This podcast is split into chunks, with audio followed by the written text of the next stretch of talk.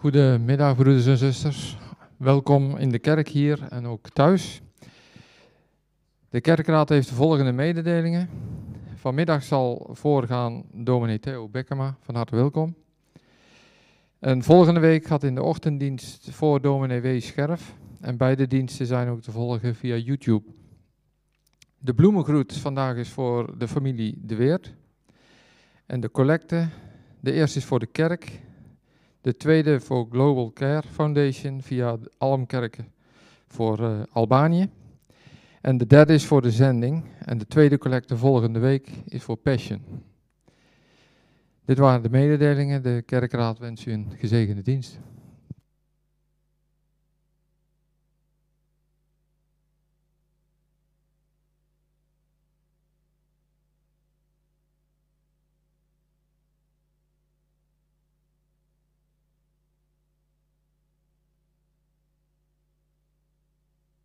Goedemiddag. Ja, dat is beter. Goed om u hier te ontmoeten. In een week waarin wij met elkaar werden opgeschrikt door een oorlog in Oekraïne en verschrikkelijke berichten hebben gezien, mogen ook in vandaag, zeker op zondag, ook onze ogen opslaan naar boven, naar onze Heer Jezus Christus, onze Verlosser.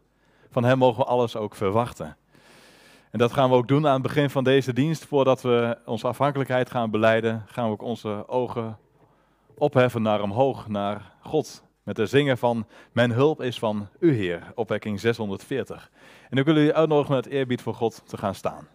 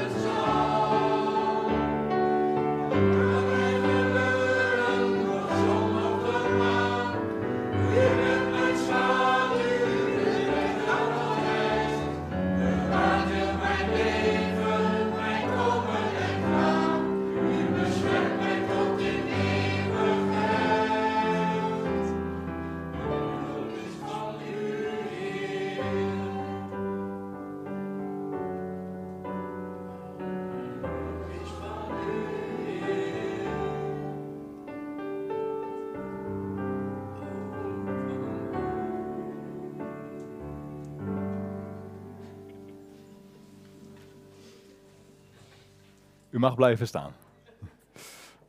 Want we hebben onze afhankelijkheid al bezongen met dit lied, maar dat gaan we ook doen in het foto en goed.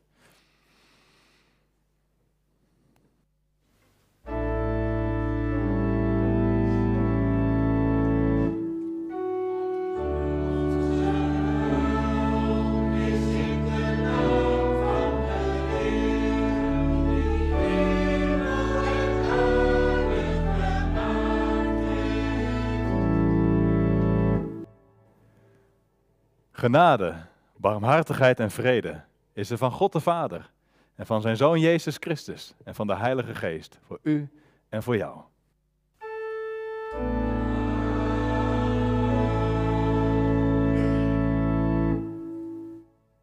Wij vervolgen ons zingen met het lied Psalm 139, vers 1 en vers 11.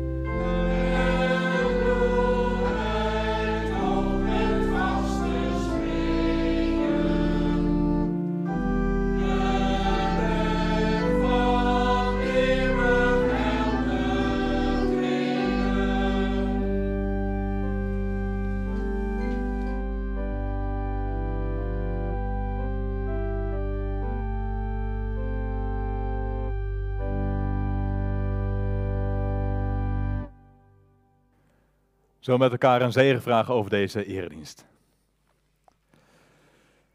Vader in de hemel, u die ons omringt met uw trouw, met uw liefde, met uw goedheid. Heer, wat is dat een rijke genade van u. Waar zouden wij zijn als u niet elke dag naar ons omziet? En ook vandaag, deze eerste dag van de week, stroomt over van uw genade. Alleen al dat we hier zo vandaag bij elkaar mogen zijn. Hier in de kerk, in uw huis, om samen een eredienst te hebben. Samen te luisteren naar uw woord, te zingen van wie u bent, van uw grootheid, om u alle eer te brengen. Heer, en dat we zo ook samen mogen bidden en bij u mogen komen. Heer, daar dank u voor. En we bidden u voor deze dienst en ook voor de mensen die nu of misschien op een ander moment met ons verbonden zijn. Heer, Zegent u deze dienst. Vult u ons allen met uw Heilige Geest, dat wij uw woorden mogen verstaan. Opent u ons hart, Heer, voor uw rijke evangelie. Heer, u kent ons door en door. En u weet ook hoe wij hier zitten, ieder van ons persoonlijk. Hoe wij ons voelen, wat ons bezighoudt. Heer, schenkt u ons vergeving voor alles wat we verkeerd deden. Trouwe God, maakt u ons vrij van alle dingen die ons van u af kunnen leiden. Richt ons hart op u, zodat we ook weer gesterkt mogen worden in ons geloof. We bidden u voor deze dienst. Maakt u alles wat we hier doen tot een loflied voor u, dat we in alles uw grote naam prijzen. Vader, hoort u ons gebed. om Jezus wil. Amen. Vandaag gaan we met elkaar uit de Bijbel lezen in het Bijbelboek Klaagliederen. Jeremia die dit uh, boek heeft geschreven. Jeremia ontmoeten we hier op een punt dat hij tot op het bot is aangedaan door wat er allemaal is gebeurd. Het volk Israël heeft heel veel te verduren gekregen. Ze zijn weggevoerd in ballingschap. En daarmee is dit boek Klaagliederen eigenlijk een boek vol van tranen. Maar te midden van die ellende is er hoop. Nou, daar mogen we vandaag ook iets van gaan horen, van die hoop die in het boek Klaagliederen zit. Um, we gaan dat met elkaar lezen. Klaagliederen 3, vers 21 tot met 41. Daarna met elkaar een lied wat hierbij is geschreven. Het is Gods goedheid en geduld. Een lied uit het Geef met Kerkboek. Het kan zijn dat het een wat onbekende melodie is. De organist heeft het net voor de dienst uh, nog voorgespeeld. Misschien dat u het heeft gehoord. Um, het is in ieder geval een tekst die heel mooi aansluit bij dit Bijbelgedeelte. En ik hoop dat het lukt om met elkaar toch die, dat lied te gaan zingen. We gaan eerst Klaagliederen 3, het gedeelte, lezen. Toch geef ik de hoop niet op, want hieraan houd ik vast. Genadig is de Heer, wij zijn nog in leven. Zijn ontferming kent geen grenzen. Elke morgen schenkt hij nieuwe weldaden. Veelvuldig blijkt uw trouw. Ik besef, mijn enig bezit is de Heer. Al mijn hoop is op hem gevestigd. Goed is de Heer voor wie hem zoekt en alles van hem verwacht. Goed is het geduldig te hopen op de Heer die redding brengt. Goed is het als een mens zijn juk draagt in zijn jeugd. Laat hij neerzitten, eenzaam en geduldig, als het hem wordt opgelegd. Laat hij zich neerwerpen en stof likken, misschien is er hoop. Laat hij zijn wang bieden aan wie hem slaat. Laat hij verzadigd raken van hoon. Want de Heer verwerpt niet voor eeuwig. Als hij leed berokkent, ontfermt hij zich ook. Zo groot is zijn genade. Slechts met tegenzin brengt hij leed en rampspoed over de mensen. Dat, dat men overal op aarde gevangenen vertrapt, dat men iemands rechten schendt onder de ogen van de Allerhoogste, dat men een mens een eerlijk vonnis onthoudt. Zou de Heer het niet zien?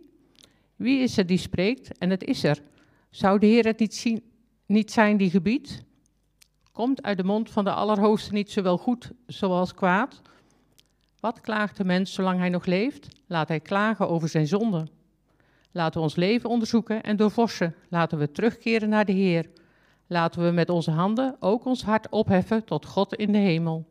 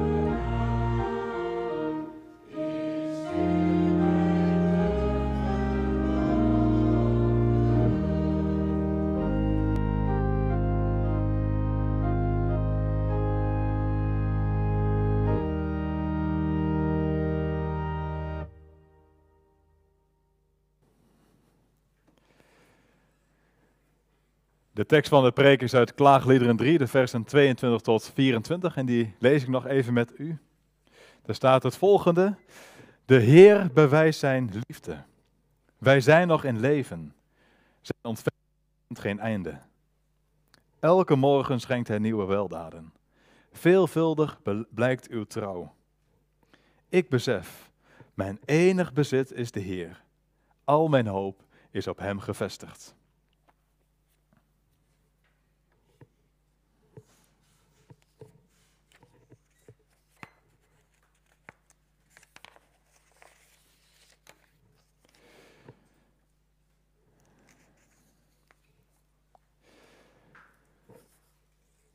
Gemeente van wie Christus houdt. Wat doe je als er een storm over het land trekt? We hebben denk ik allemaal de beelden wel gezien van de storm vorige week. Van omvallende bomen, dingen die door de lucht vliegen. Vandaag met dit lekkere weer kunnen we het ons nog nauwelijks voorstellen. Maar op dat soort dagen blijf je misschien wel liever binnen, in de warmte, waar je het gezellig maakt. Maar er zijn ook mensen die juist op dat soort dagen graag naar buiten gaan. Die ervan houden om de kracht van de natuur te trotseren. Door bijvoorbeeld naar een strand te gaan. En ergens heeft het ook wel iets indrukwekkends. Die harde wind. In zo'n storm van vorige week voel je snel dat die sterker is dan dat je zelf bent. Je moet op je hoede zijn. Niet voor niets werd er een NL-alert uitgestuurd. Wees voorzichtig. Blijf binnen als het kan. Zo'n storm, terwijl de wind om het huis giert, kan net zo goed een storm van binnen zijn. In je hart. Omdat je worstelt met dingen. Je maakt je misschien wel zorgen om je kinderen. Of je wordt gekweld door een nare depressie. Of er zijn andere dingen waar je mee worstelt. En misschien worstel je wel met God. Je wilt wel met hem leven, maar je vindt het zo moeilijk. En zo ontmoeten we ook vandaag die schrijver van het Bijbelboek Klaagliederen. Hier treffen we iemand aan die aan het worstelen is. Om wat er allemaal is gebeurd. Een worsteling die uiteindelijk ook een worsteling is met, met God. De situatie waarin hij zit, en met hem ook het hele volk Israël, ligt er niet om. Het is een hele sombere tijd waar ze in zitten. Echt een uitzichtloze situatie voor het volk Israël, waarin alles verloren lijkt. Want wat was er aan de hand? Nou, het eens zo mooie, bruisende Jeruzalem is niet meer. De Babyloniërs hebben de stad tot op de grond toe afgebroken. En ze hebben een spoor van geweld nagelaten. Niets ontzien zijn ze bezig geweest. Een heleboel mannen, vrouwen en zelfs kinderen zijn vermoord. En de mensen die zijn ontkomen, die hebben dat gezien. Met hun eigen ogen hebben ze al het geweld gezien. Ja, ze zijn dan wel ontkomen, maar wel zwaar getraumatiseerd. Allemaal bekenden en familieleden zijn omgekomen. Aan niemand gaat het verlies en de pijn voorbij. En als dat nog niet genoeg is, zijn ze ook nog eens hun huis, hun plek om te wonen, hun land kwijtgeraakt. Stad en land is volledig verwoest. Wat over is, zijn getraumatiseerde mensen die rouwen om het verlies. In die uitzichtloze situatie, een situatie waarin geen hoop meer is, neemt de schrijver van het Bijbelboek Klaagliederen ons mee. En dat doet hij in de vorm van een klaaglied. Voor die tijd waarin klaagliederen is geschreven, was dit best wel heel gebruikelijk. Vaak was het zo dat als iemand was overleden, dan werd er een, groepje mensen ingehuurd. En zo'n groepje mensen ging dan zo'n klaaglied zingen. En zo ondersteunden ze de mensen in hun rouwproces. Tegenwoordig kennen we dat op deze manier niet meer zo. Alleen als we een, iemand moeten begraven en er is een uitvaart, dan zingen we vaak nog een paar liederen. En toch is zo'n klaaglied best een hele handige manier. Want we reageren allemaal heel verschillend op verlies of op heftige ervaringen. De een gaat bijvoorbeeld heel stil in een hoekje zitten. En de ander die gaat zich afreageren op iets wat er helemaal niet mee te maken heeft. Een klaaglied helpt erbij om woorden te geven aan het verlies. Dat is denk ik ook het waardevolle van de klaagliederen. Het verlies en de pijn die bij mij diep van binnen zit, breng ik onder woorden. Ik blijf er niet alleen mee zitten, maar het komt er ook uit. Hier gaat het om het verlies van het volk Israël. Voor al die mensen die zijn omgekomen. De ontheemde mensen die hun stad en hun land zijn kwijtgeraakt. En geen eigen plek meer hebben om te wonen. En daarom beseft die schrijver dat een klaaglied hier op zijn plek is. En hij schrijft er niet één, maar hij schrijft zelfs vijf stuks. En het is best mooi om daar even een beetje naar te kijken. Als we even naar het, uh, het scherm kijken, dan zien we een stukje uit het Bijbelboek Klaagliederen, de herziende statenvertaling. En wat we dan direct zien is dat achter elk vers een klein woordje staat. Ik heb het even in het geel gearseerd, maar het is uh, uh, de Hebreeuwse letter van het alfabet, van het Hebreeuwse alfabet. Op die manier heeft de schrijver het hele uh, Bijbelboek Klaagliederen vormgegeven. hij begon bij het begin van het alfabet en zo werkt hij per vers, zeg maar, elk letter van het alfabet af. Hij volgt het hele alfabet. En elk nieuw vers begint hij met een volgend letter. Manier van schrijven, ja, eigenlijk is het een kunst op zich. We komen het ook wel tegen in, in bijvoorbeeld de psalmen. Heel zorgvuldig brengt de schrijver de situatie van het volk Israël onder woorden. Dat is best wel een uitdaging. Want wat zeggen we als we bij iemand op bezoek gaan die net een verlieservaring heeft? Vaak zitten we te zoeken naar woorden en hebben we een gevoel van onmacht. We willen wel graag die ander tot steun zijn, maar weten niet eens goed hoe. En elk woord dat we zeggen, leggen we eerst op een weegschaal. De schrijver van klaagliederen gaat de uitdaging aan om woorden te geven aan het verdriet, aan alles wat ze hebben meegemaakt, het geweld dat ze hebben gezien en aan alle verlieservaringen. En dat doet hij door het hele alfabet te gebruiken. Hij laat als het ware niks onbesproken. Maar van A tot Z wordt de klacht geuit. Klagen bij God. Klaagliederen geeft ons hier het voorbeeld mee. Het is een soort uitnodiging ook aan ons om onze klacht bij God neer te leggen. Het laat ons zien dat we heel ons hart mogen uitstorten bij de Heer. Alles van ons leven mogen we bij God brengen. Net als dat de schrijver ook alles uit wat het volk Israël is overkomen. Maar alsof dit nog niet erg genoeg is, heeft hij ook nog het gevoel dat hij God is kwijtgeraakt. De schrijver zegt op een gegeven moment: Vervlogen is mijn hoop op de Heer. De situatie is zo donker, zo uitzichtloos dat ze zelfs geen hoop meer hebben op God. Misschien ervaren we dat zelf ook wel eens in ons leven. We hebben het gevoel er alleen voor te staan. En we hebben de indruk dat God de grote afwezige is. Juist op het moment dat we Hem zo hard nodig hebben. En dan kom je hier in de kerk en is het eerste wat we met elkaar zingen. En met elkaar ook beleiden. Onze hulp is de naam van de Heer, die hemel en aarde gemaakt heeft. Stel je voor dat we dat niet meer kunnen zeggen. Dat alle hoop uit ons leven is verdwenen. De hoop en de verwachting dat God altijd bij ons is. En ons nooit in de steek laat. Voor de schrijver is dat gevoel de realiteit. Op God kan ik niet meer hopen. Wat een verschrikkelijke situatie is dat. Maar als we dan verder lezen in het hoofdstuk, slaat de toon van de schrijver ineens volledig om.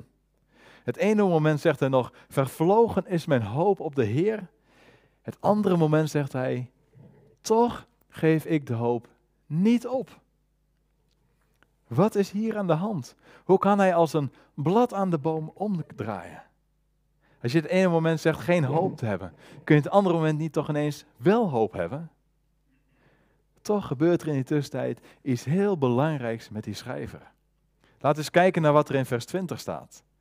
Daarin zegt hij, telkens als ik mijn lot overdenk, ben ik diep te neergeslagen. Dat is waar die schrijver de hele tijd mee bezig is. Hij klaagt over wat de Israëlieten is overkomen. Het lijkt erop dat hij erover zit te piekeren en te pijnzen. Wij zijn soms ook zo bezig met waarom er dingen gebeuren. Waarom moet mij dit overkomen? Waarom heb ik zo'n last van die depressie? Waarom laat God het toe dat ik zo ziek ben? Hoe kan het dat wij het gevoel kunnen hebben dat God ons soms vergeet? En dat Hij ons soms juist in het onder lijkt te starten? Het zijn vragen waar we ons op stuk kunnen bijten. En toch weten we vaak niet waarom er dingen gebeuren. Vaak krijgen we ook geen antwoord op. En ook vandaag kan ik u dat antwoord niet geven. Het gevaar is alleen dat we door al onze vragen en onze zorgen zo in beslag worden genomen dat we alleen nog maar ogen hebben voor onze eigen situatie. Als we bijvoorbeeld in het bos lopen, hè, met, zoals met vandaag zal het wel meevallen, maar als het slecht weer is, het heeft veel geregend en we lopen dan in het bos, kunnen we zo bezig zijn met, met wat precies voor ons gebeurt. Met, met het ontwijken van, van gladde wortels of het ontwijken van natte plassen, dat we goed uitkijken waar we onze voeten neerzetten.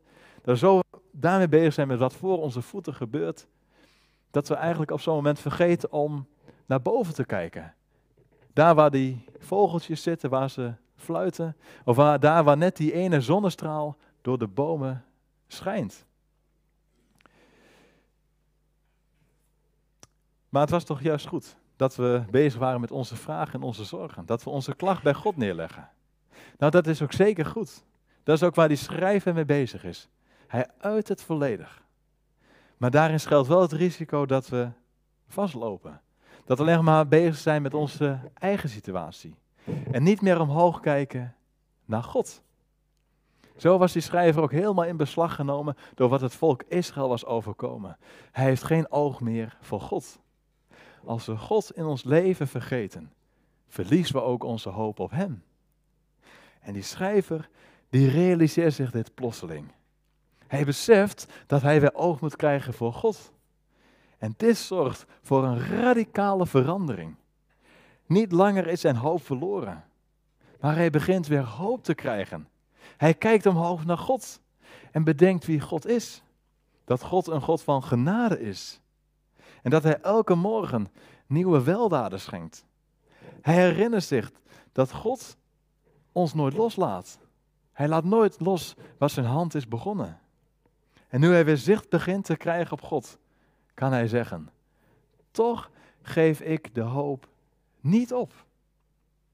Misschien kan ons dit ook wel helpen om zicht te blijven houden op God. Door te bedenken wat Hij ons elke dag opnieuw geeft. Gewoon door eens te bedenken. Wat geeft Hij mij elke dag? Elke dag als je opnieuw s ochtends mag opstaan. Dat je misschien gezondheid krijgt. Dat je ontbijt krijgt je boterham, je eten. Dat je je werk mag doen. Of dat je andere dingen mag doen. Dat je misschien mag genieten van de natuur en van de mooie dingen. Zoveel dingen om op te noemen die God je geeft. Gewoon de hele, eigenlijk voor ons gevoel, simpele alledaagse dingen. Kijk naar Gods zegeningen. Tel die zegeningen. Ontdek hoe God aanwezig is. Is het dan ineens allemaal klaar? als we onze klacht geuit hebben en weer gaan beseffen dat God ons niet loslaat. Nou ja, zo gemakkelijk gaat het niet. Het is niet zo dat onze situatie dan ineens veranderd is. Het is niet zo dat, dat onze pijn en ellende ineens voorbij is. We kunnen nog steeds in die depressie zitten of ziek zijn. We kunnen ons nog steeds zorgen maken om ons kind of om andere dingen. En ook voor de schrijver was het daarmee niet klaar. Sterker nog, hij gaat gewoon door met klagen. Er volgen nog een paar hoofdstukken waarin hij gewoon doorgaat met klagen. Net als dat wij ook door mogen gaan met klagen. Klagen bij God. Maar één ding is wel bijzonder. Precies in het midden van een Bijbelboek klaagliederen krijgt hij weer zicht op God. Op hoe groot hij is. En dat hij altijd een God van genade is. Ik denk dat we daarmee ook mogen zeggen, en dat geloof ik ook, dat ook al zitten we op het dieptepunt van onze pijn, God laat ons nooit alleen. God is midden in onze ellende te vinden. En dat besef maakt verschil voor ons leven. Ook al zijn de zorgen niet voorbij en blijven onze klacht neerleggen bij God. Als we weer hoop hebben op God en alles van Hem verwachten, mogen we ook vasthouden aan de zekerheid dat God altijd bij ons is. Want God is trouw. Hij is met het volk Israël een verbond aangegaan. En daarom blijft hij trouw. Ondanks dat het volk Israël ontrouw was en hem telkens opnieuw de rug toekeerde. God keerde hen de rug niet toe. Net als dat hij ons nooit de rug toe zal keren. Hij blijft trouw aan wat hij heeft beloofd. Hij is een God van dichtbij, die ons nooit loslaat. Die belofte van trouw, van zijn trouw, geldt ook voor ons. Ook ons zal hij niet loslaten. In Christus zijn we kinderen van hem. En dan laat de schrijver ons nog één ander ding zien. Want nu hij weer zicht begint te krijgen op God en beseft dat hij een God van genade is en van trouw, legt hij zijn leven volledig in Gods hand. Hij weet dat dat de enige weg is als het leven uitzichtloos is. En dan zegt hij, de Heere is mijn deel. En hiermee verwijst hij naar iets in de geschiedenis. Toen het volk Israël het land Canaan, het beloofde land in mocht, werd het land verdeeld. En iedere stam kreeg een deel van het land toegewezen. Op dat deel van het land he, kon, kon zo'n stam aan het werk gaan om te voorzien in hun eigen eten en drinken. Alleen de stam Levi, die kreeg geen deel van het land toegewezen. De stam Levi, dat waren de priesters. Zij deden dienst in de tempel. En daardoor hadden ze geen tijd om op het land te werken. Dus ze kregen ook geen deel van het land toegewezen. Maar God zei, ik ben jullie deel. Ik zorg ervoor dat het jullie aan niks ontbreekt. En precies daar verwijst die schrijver van het Bijbelboek Klaagliederen naar. Als hij zegt, God is mijn deel. Dan zegt hij daarmee dat we ook alles van God mogen verwachten. We mogen erop vertrouwen dat God ons alles geeft wat we nodig hebben. Ondanks de situatie waarin we zitten. Als we totaal geen uitkomst zien. God kent ons. En hij doorgrondt ons. Hij weet wat we nodig hebben. Laten we proberen ook alleen op Hem te bouwen. Hij alleen is onze verlosser.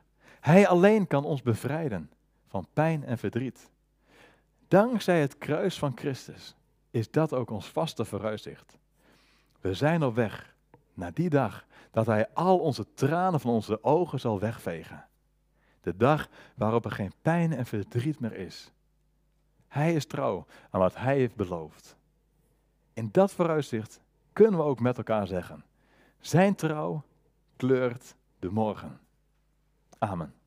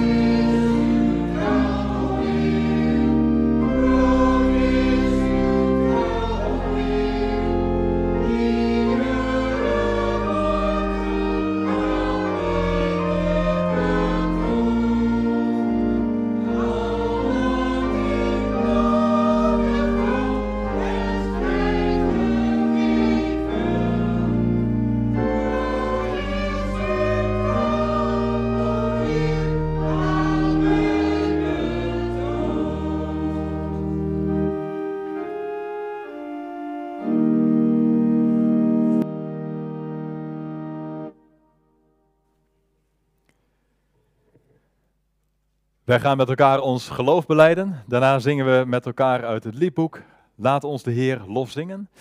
We beleiden ons geloof aan de hand van de woorden van de geloofsleiders van Nicea. En ik wil u uitnodigen uit eerbied voor God daarbij te gaan staan.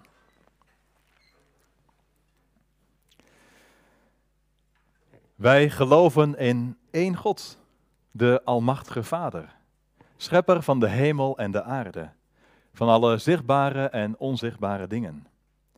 En in één Heer Jezus Christus, de enige geboren Zoon van God, geboren uit de Vader voor alle eeuwen. God uit God, licht uit licht, waarachtig God uit waarachtig God, geboren, niet geschapen één van wezen met de Vader. Door Hem zijn alle dingen geworden. Terwille van ons mensen en van ons behoud is Hij neergedaald uit de hemel en vlees geworden door de Heilige Geest uit de Maagd Maria en is een mens geworden. Hij is ook voor ons gekruisigd onder Pontius Pilatus, heeft geleden en is begraven. Op de derde dag is hij opgestaan overeenkomstig de schriften hij is opgevaren naar de hemel, zit aan de rechterhand van de Vader en zal in heerlijkheid weerkomen om te oordelen, de levenden en de doden. En zijn rijk zal geen einde hebben. En in de Heilige Geest, die Heere is en levend maakt, die van de Vader en de Zoon uitgaat, die samen met de Vader en de Zoon aangebeden en verheerlijkt wordt, die gesproken heeft door de profeten. En één heilige, algemene christelijke kerk. We beleiden één doop tot vergeving van onze zonden. Wij verwachten de opstanding van de doden en het leven van de komende eeuw. Amen.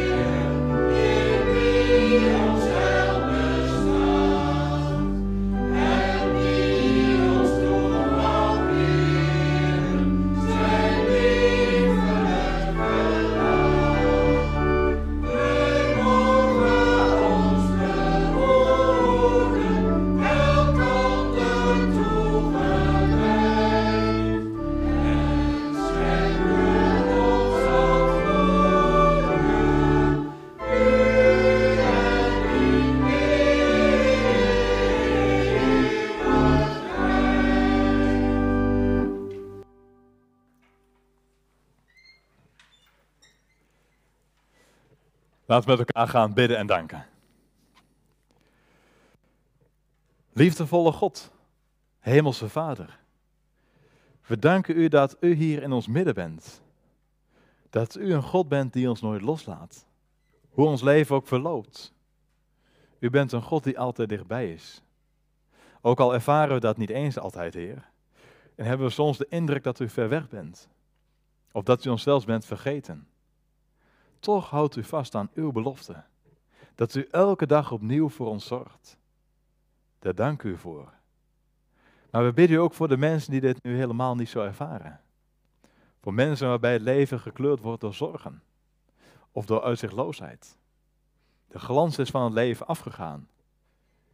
Heer, we bidden u voor mensen die nog dagelijks gemis ervaren.